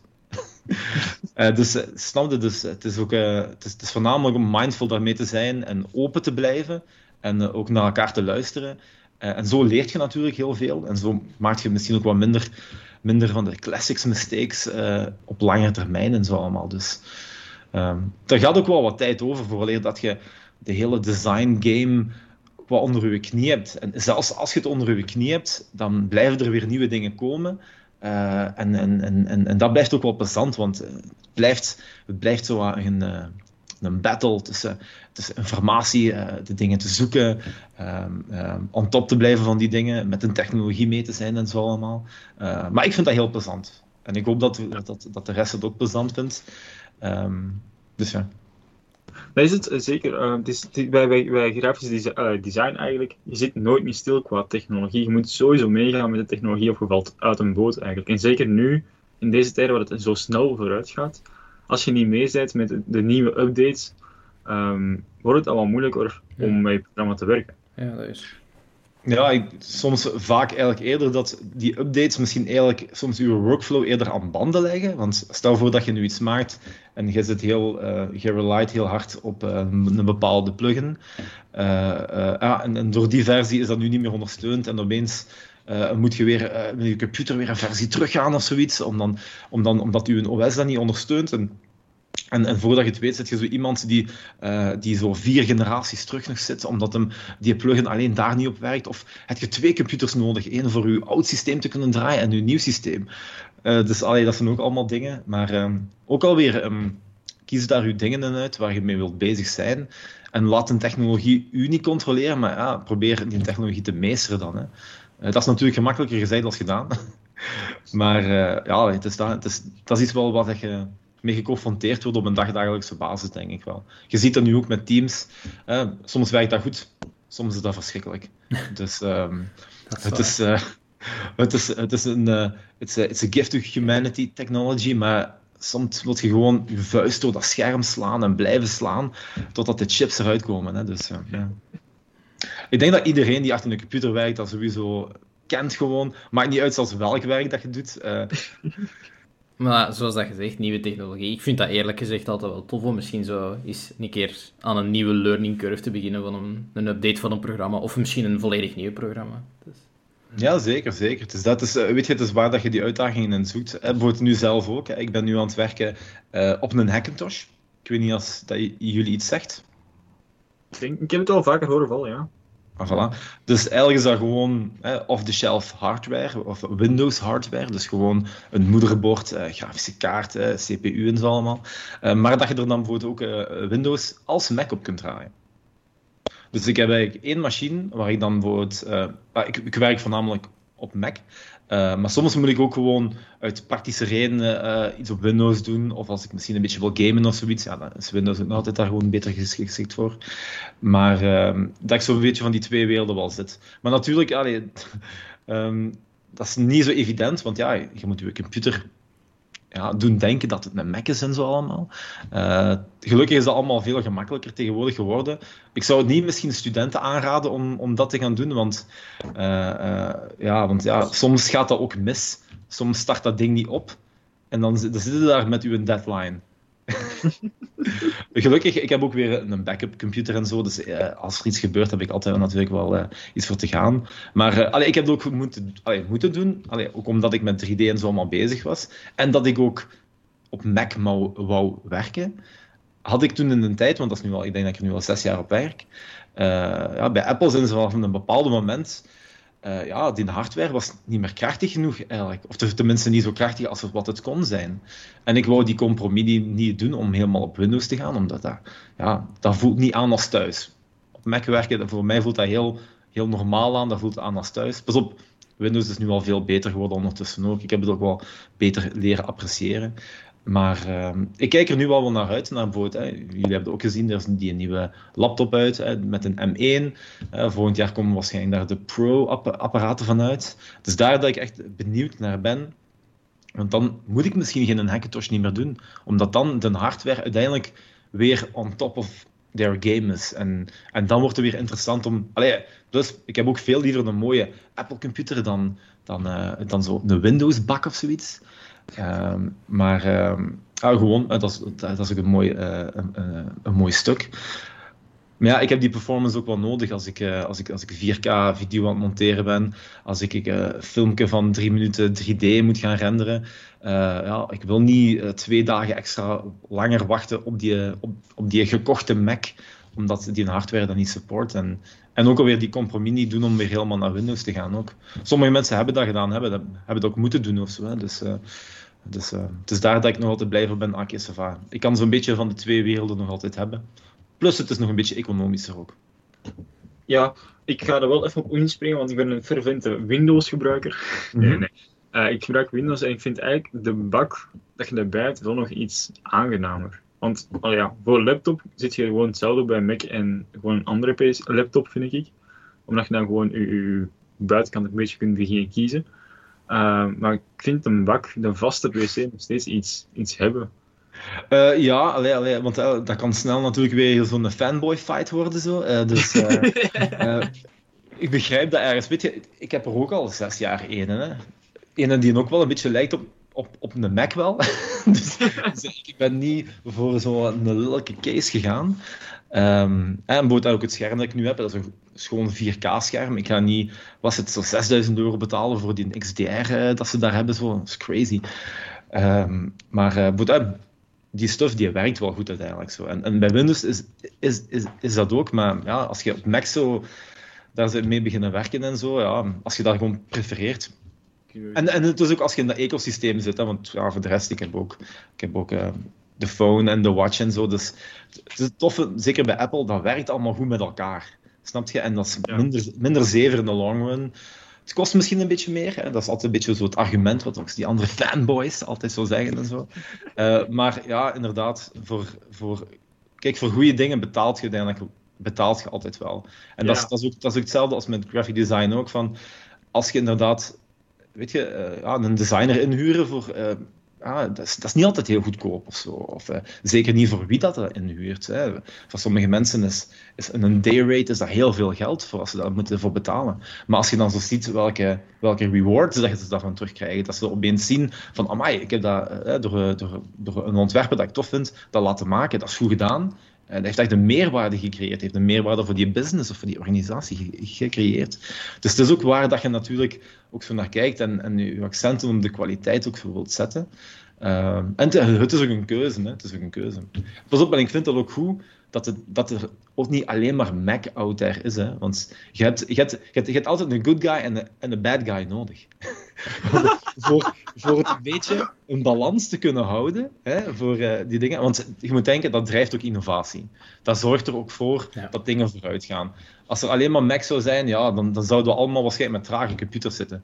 Ja. Uh, want ja, als er, geen, als er geen push voor innovatie nodig is, ja, dan gaan ze dat ook niet doen. Allee. Allee, en het is, het is, daarmee om te zien dat het tof is dat die nieuwe ontwikkelingen weer nieuwe mogelijkheden gaan brengen. En, en dat, ik ook weer te, dat ik weer tenminste ook tegen studenten kan zeggen van, ah ja, koop die computer, want dan, dan zit je zeker safe. En om dat nu te zeggen, is een moeilijke, vind ik. Het is vooral kijken naar welke specs dat je hebt. En ik moet toegeven, Mac heeft hele goede specificaties. Ze zijn echt voor Adobe-programma's echt top-notch. Maar zoals je zei, de prijs is soms een beetje... Ja, en het hangt natuurlijk ook nog altijd af. Een mens is een gewoontedier, dus... Uh... Mm -hmm. wel ja, ik zou ook gemakkelijk op Windows kunnen leven, maar dat ziet er zo deprimerend uit.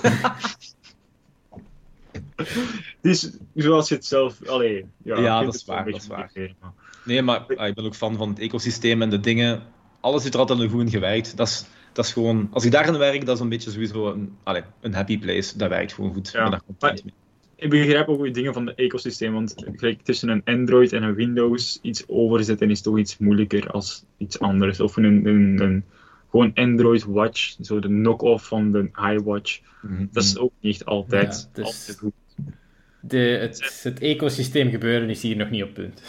Nee, nee, nee. Dat is, nee, nee, maar ook weer goed. Allee, je kunt alleen maar hopen dat ze dat proberen dan beter te maken. Ja, dat, dat, dat, is het gewoon. Hè. Zeker dat. Maar ja, de concurrentie moet er sowieso zijn. Zoals je zei bij de Windows en Macs, de bad guy en de good guy. Het valt te zien hoe dat je het bekijkt. Maar ah, wel, ja, maar voor, voor de ene is een andere de good guy. snap je? Dus, dus het is daarmee. Maar dat is goed. Uh, uh, snap je als het dan maar is. Hè, zolang dat mensen niet zomaar eh, iemand anders in een PC in brand gaan steken, omdat ze, niet, omdat ze dat niet tof vinden, welke kleur dat die PC heeft en zo allemaal. Hè.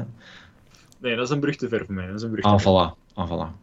Dat is een brug te ver. Nee, nee. Elke PC werkt voor mij alleen, zal ik toch liever een Windows hebben. voilà. Pick your battles. Pick your battles. Ja, voilà, dat vooral.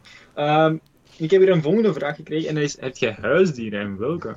Ah ja, ja, uh, dat is een goeie. Uh, ik heb hier een kat, uh, Miso. Dus dat, ik denk, is hem hier? Nee, nee, nee. Hij is er niet, niet direct bij, zoals hij buiten aan het hunten zijn. en dan, en, ja, dat, is, dat is mijn kat. En dan heb ik niet echt zozeer... Ja, ja. Ik heb ook nog drie kippen. Ehm, maar dat zijn niet echt huisdieren natuurlijk, want ja, die zitten niet in het huis, die zitten in een kot buiten. en die heet Mark. Dat is Mark, de kip. Dan hebben we curry. en dan hebben we de tattebone. De, de wat? De. Ah, oké. Voilà, om dat te goed te, te, te, begrijpen, moet je eigenlijk naar die kortfilm uh, van David Lynch kijken. Uh, die staat ook op Netflix. Uh, de naam ontgaat mij nu even. maar zoek dan maar eens op. David Lynch, Netflix, kijk die kortfilm. Dan zult je het begrijpen.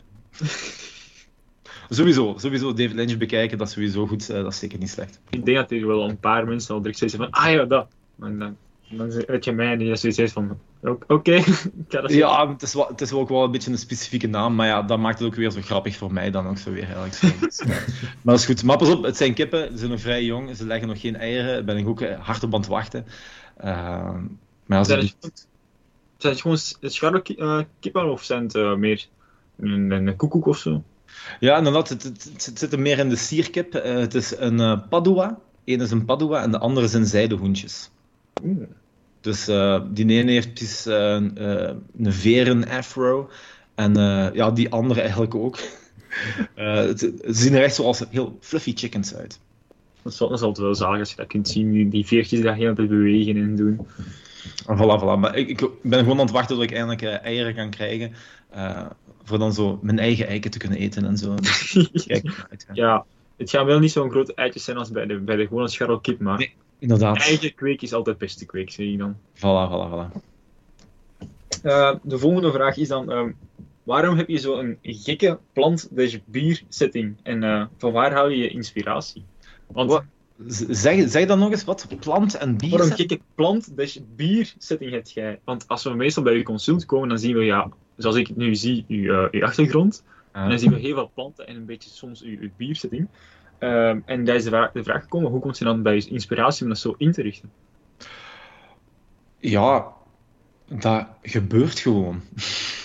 allee, in, in, de zin van, ja, allee, ik, ik heb sowieso graag plant ook rond mij. Want allee, dan heb je tenminste, allee, zeker nu ook zo uh, met zo de lockdown ook, uh, als je dan heel veel binnen moet zitten, is het ook aangenaam om die planten te hebben. Dat leeft ook. Het is een ruimte die leeft, dat is ook aangenaam. Groen is ook aangenaam.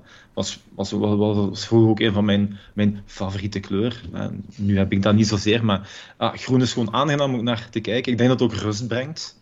Um, dus ja, ik heb zo, met zo planten al een paar jaren bezig en eh, dat is heel tof wat je daar uh, vanaf krijgt ook gewoon. Eh, ja, ik ben, ben inderdaad wel een, een plantenfan. Zowel beneden, in, want ja, ik zit hier nu boven, boven in de living eigenlijk, aan mijn bureau.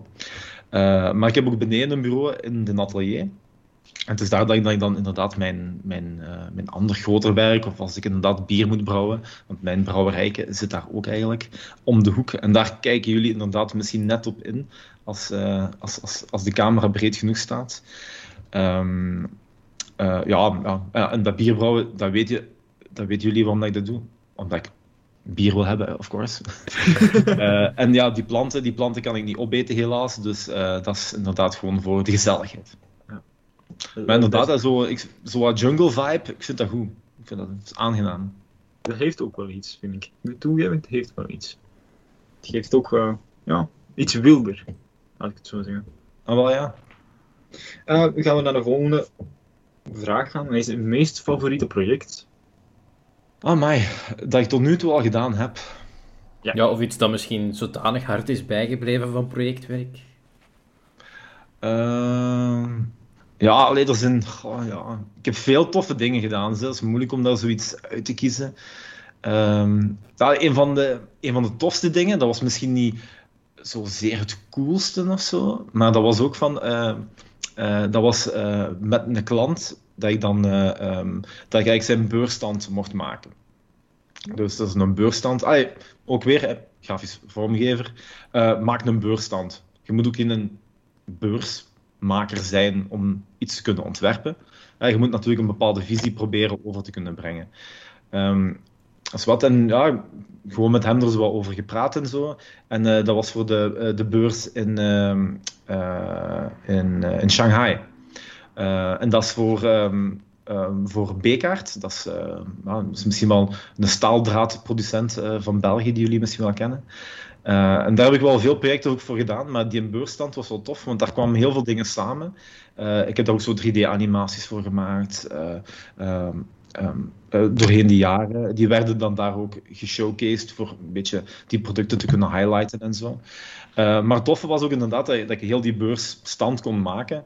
Ik denk dat zij ook daar een van de grootste standen hadden op die beurs. Uh, en dat ging dan specifiek over lift, uh, liftkabels. Dat was het, ja. Dat je ook zo denkt van, ja, totaal niet sexy. Hè? Een kabel. Hè? Zo. En je komt er op een beurs met allemaal andere kabelmannen. En dat je ook zo denkt van, maar zo werkt de wereld. Hè. Is heel veel belang, ook heel veel kabels en zo. Maar het is gewoon, uh, uh, omdat ik zo mijn contact bij zo'n Bekaart, hè, zo, uh, de Steffen, super cool en doet. Ik heb met hem ook altijd die projecten zo kunnen doen. Ook de manier hoe ik het zag, kon ik dat ook altijd bij hem goed verkopen. En dat was nooit wrijving en zo. En, en die geloofde er ook in. En die zag ook dat het goed was. met misschien uiteraard uh, een paar uh, feedback-dingetjes en zo. Maar dat ging altijd super smooth en dat was ook een kei plezante mensen om mee samen te werken altijd. Uh, dat was altijd tof. Maar ik kon dan tenminste ook meegaan naar Shanghai. Dus zijn ze mij ook met een auto komen halen, vliegtuig gezet, komen daar zo in Shanghai aan. direct op restaurant en dan, en dan zo gaan eten en met die mannen daar, die vertegenwoordigers zijn zo ook allemaal uh, daarna ook zo gaan drinken en zo. En, en, China ja, is een zalige plaats. Goed eten, nachtleven was er ook uh, super. Uh, dus verschillende dingen meegemaakt. Um, dus, en, en ja, op die beursstand daar zelf ook, ook zo'n beetje meegedraaid overdag. ik ken daar niks van, ik ben geen sales guy. Uh, maar ik heb ook 360-video's moeten maken uh, om zo eigenlijk de locaties van over al de fabrieken van Bekert over de wereld, over heel de wereld een paar van die fabrieken, om die te consolideren eigenlijk in een, in een VR-filmpje, dat mensen eigenlijk door de fabrieken konden heen lopen, om dan zo eigenlijk een aspect te kunnen, om een zicht te hebben over over uh, wat er allemaal gebeurt uh, in, die, in die wereld van Bekaert en ook hoe internationaal dat het is en zo, en hoe huge. En, en, en, en, en dat slaat ook natuurlijk wel aan. Dus uh, dat was wel tof, die hele stand daarvoor ontworpen. Ook wel heel grappig. En daar vond ik ook zoiets van, ik was, ik was met het concept bezig van ja, hoe ga ik die beurstand dan maken. En um, natuurlijk, ja, wat is dat zo, een beurstand? Vaak zie je, dat zijn gewoon muren, tafels met dingen op tegenwoordig heel veel schermen, met heel veel content om te laten zien via schermen. En dat gaat dan over liften. En dat ik dan ook zoiets had van, ik dacht van, hoe gaan we dat hier interessant maken? Want ja, je kunt weer de zoveelste beurstand maken. En ik vond dat straf dat er precies niemand op was, op was gekomen om die producten te gebruiken om ook die tafels te laten doen zweven. Dus dat je je tafels laat zweven eigenlijk zo aan, aan die kabels eigenlijk. Dat je eigenlijk van je product ook een een essentieel deel maakt ook van uw boot, snap je? En, uh, en ja, dat was ook ingeslaan als een bom bij hun. Hè. Ik zal maar zeggen, hè, die mensen die werken al twintig jaar met kabels, die hebben nooit gedacht, hey, kom, we gaan die kabels dus gebruiken voor iets anders. Uh, terwijl dat ze al dat materiaal ervoor hadden eigenlijk. Zo. Dus dat was wel een toffe. Um, en ook ja, ik heb dat niet allemaal zelf moeten maken. Dus een team in China heeft dat ook zo gemaakt, zo al die dingen en zo. Dus dat was ook zalig om te zien om gewoon eh, van, eh, van een art director positie gewoon zo die dingen dan zomaar te maken en zo. En, en, en dan door te sturen naar China en dan zo die dingen daar ook dan er zelf te staan. Want ja, het is niet omdat je een beursstand in China maakt dat je altijd direct daar naartoe mocht gaan. Maar ook om die dingen dan zo een beetje op te volgen, dat alles goed verliep. En dat ook die in 360 en zo, dat dat allemaal goed verliep met die hostesses en zo allemaal. want ja, die, die moesten ook uitgelegd krijgen hoe dat allemaal werkte. Dus dat was tof. En dat was het grappige, want het jaar daarna ben ik dan ook begonnen op de academie voor die Chinese studenten. Dus dat was altijd een heel toffe throwback, uh, uh, om dan zo te zien van, ah ja, ja, ah, ik ben nog in China geweest, kan je dan tegen hun zeggen. Dan zo. dus ja, dat was wel een toffe. En, dat is wat ik ook wil zeggen met hoe dat die dingen in het leven gewoon gebeuren en op elkaar aanvullen. En ja, ik heb dat niet speciaal opgezocht, hè. Maar dat is maar gewoon, ja, gewijd, je doet je best voor mensen en je maakt vrienden en voordat je het weet zit je in China. Ja, ja, ja, ja. ja. Dat is uh, zeker wel een, een, een soort van, ja, hoe moet je het zeggen? Een inspiratiebron voor ons om te zeggen van go with the flow. Ja, zeker, zeker. Uh, en allee, ook ja op dingen zeggen. Maar ik moet ook wel zeggen, je moet ook wel nee op dingen kunnen zeggen. Want dat is soms misschien wel belangrijker, want anders zit je gewoon heel veel, heel veel shit te doen. Uh, dat je ten eerste zelf niet plezant vindt. Soms, soms moet je dat ook gewoon doen, snap je? Er zijn momenten dat je het gewoon moet nemen, hoe dat het is. En er zijn gewoon momenten waar je achteraf dan denkt van, amai, dat was een goeie. Dat was leerrijk. Uh, dat wil ik misschien niet nog eens doen, maar dat heeft me wel perspectief gegeven misschien op bepaalde dingen. Dus dat was, dat was dan, dat is wel een goeie. Maar inderdaad, het is, inderdaad, het is een beetje go of the flow. het is dingen opzoeken, snap je? Als je, um, als je, als je, opsluit ergens en ook uh, als, als, als, je niet online aanwezig bent en zo, je sluit je op, je komt niet buiten, dan gaan er ook geen dingen gebeuren. Mensen weten ook niet dat je, dat je bestaat, bij wijze van spreken dan. Hè. Dus je moet inderdaad wel een beetje interactie hebben met de buitenwereld om, om dan, ja, dat die dingen zo spontaan kunnen gebeuren. En dat is wel super cool. En dat is ook zo wel eens een beetje van, wauw, welke dingen gaan er misschien nog gebeuren? Dat is ook wel tof. Maar ik denk dat er nog heel veel dingen, toffe dingen kunnen gaan gebeuren op school. Het is zoals met de, de, start van het Immersive Lab, alle dingen dat daaruit gaan komen, de samenwerkingen met de internationale studenten en zo in de toekomst. Eh, dat zijn wel dingen waar ik ook wel inderdaad wel naar uitkijk. Zo, dat gaan ook super toffe dingen zijn. Want dat is ook wel hetgene. Ik vind het gewoon ook heel plezant. Want ik heb ook op school gezeten. Dus, uh, voor mij is dat twaalf jaar geleden. Dus ik sta er nog relatief dichtbij. Van tussen de schoolbanken en, en, en, wat ik nu allemaal gedaan heb. En dat is ook wel tof om ook te kunnen zien en ook te kunnen herkennen, soms ook bij jullie. En dat ik dan soms ook zo flashbacks krijg naar mijn opleiding en zo dan. Dus dat is, dat is op zich nog wel, nog wel een toffe. Maar ja, inderdaad, terug op school zijn is ook wel plezant. Want ik vond mijn schoolperiode ook wel echt ook wel heel plezant. Dus uh, mijn, mijn, mijn werkperiode uiteraard ook. Maar school, toen kon ook nog heel veel dingen en zo. En, ja, en, en het, is ook tof met uw medestudenten dingen doen. Hè. Uh, behalve nu dan. maar, ja. maar als dat één keer voorbij is, ja, dan natuurlijk weer wel. Ik moet nu wel toegeven dat ik al genoeg plezante momenten heb gehad op Teams. Um, er zijn ook pluszijden. je moet niet elke dag een uur heen naar Antwerpen en een uur terug naar Antwerpen. Wat dat zalig maakt voor mij dat ik gewoon soms kan opstaan en mijn les kan opstarten en nog een beetje kan verder snoezen. Um, zeker niet aan te raden als je terug in slaap valt. Gevaarlijk. Gevaarlijk, ja. Echt. Dan worden ze wakker in Duitsland. Zo. Dan nu ook weer niet. Maar ik denk dat je wel begrijpt dat dat, wat dat kan gebeuren. Dat je nog alleen overblijft in, in de, de channel en je zit van, oh, Also, ah, dat zal wel een van die vermoeide graphic design students zijn van App waarschijnlijk. Dat ja. gebeurt wel vaker. Dat ze bij de lijn constateren dan zo.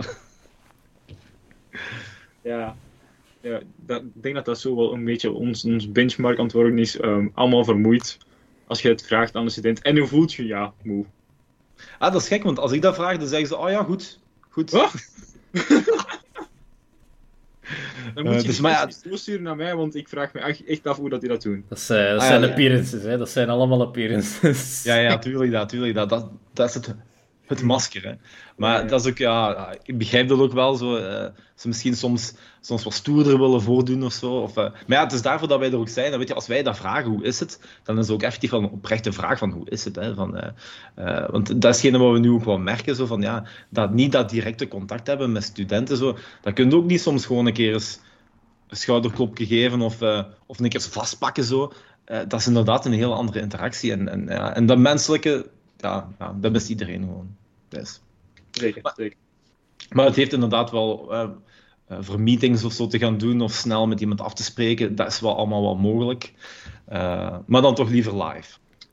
Dat is zeker waar. Maar ja, nu dat het vaccin zo op gang is gekomen en dat de beslissingen zijn gemaakt, hopelijk uh, begin volgend schooljaar, zijn we dan gevaccineerd en dan zou alles terug normaal kunnen gaan. Maar dat zien we wel. Dat zien we ja. wel. Positieve verandering kijk er dan uit. Positieve veranderingen, ja. Dat was het eigenlijk zo'n beetje voor ons, Wis. Uh, dikke merci voor uh, hier te zijn en voor onze uh, nogal brandende vragen te beantwoorden. zeker, zeker. Ja, het was ook plezant. Ik luister zelf ook naar, uh, naar zo'n podcast als ik uh, aan het brouwen ben of, of, zo. Dus uh, zeker, dat zijn dingen die sowieso lang duren. Om dan ook gewoon naar mensen te luisteren. Um, interessante verhalen op een langer platform, uh, langere manier die dingen luisteren, is ook wel plezant. Dat er niet alleen maar uh, short bites, uh, snippets zijn. En dat je dan misschien ook inderdaad misschien, ja, iets meer te weten komt over iemand. levenservaringen hoort, interessante dingen. Sowieso wel tof. Er is ons enkel nog u te bedanken en daarvoor doen we dat ook. En dan zijn we de volgende keer weer op een andere soort manier dan. Want de, de, we zijn door de jaren door. we zijn aan de 2020 geraakt. En dan uh, zou ik zeker zeggen, volg ons op Instagram bij WatchMeGDM en zie wat er volgende week gaat gebeuren. Tot volgende week.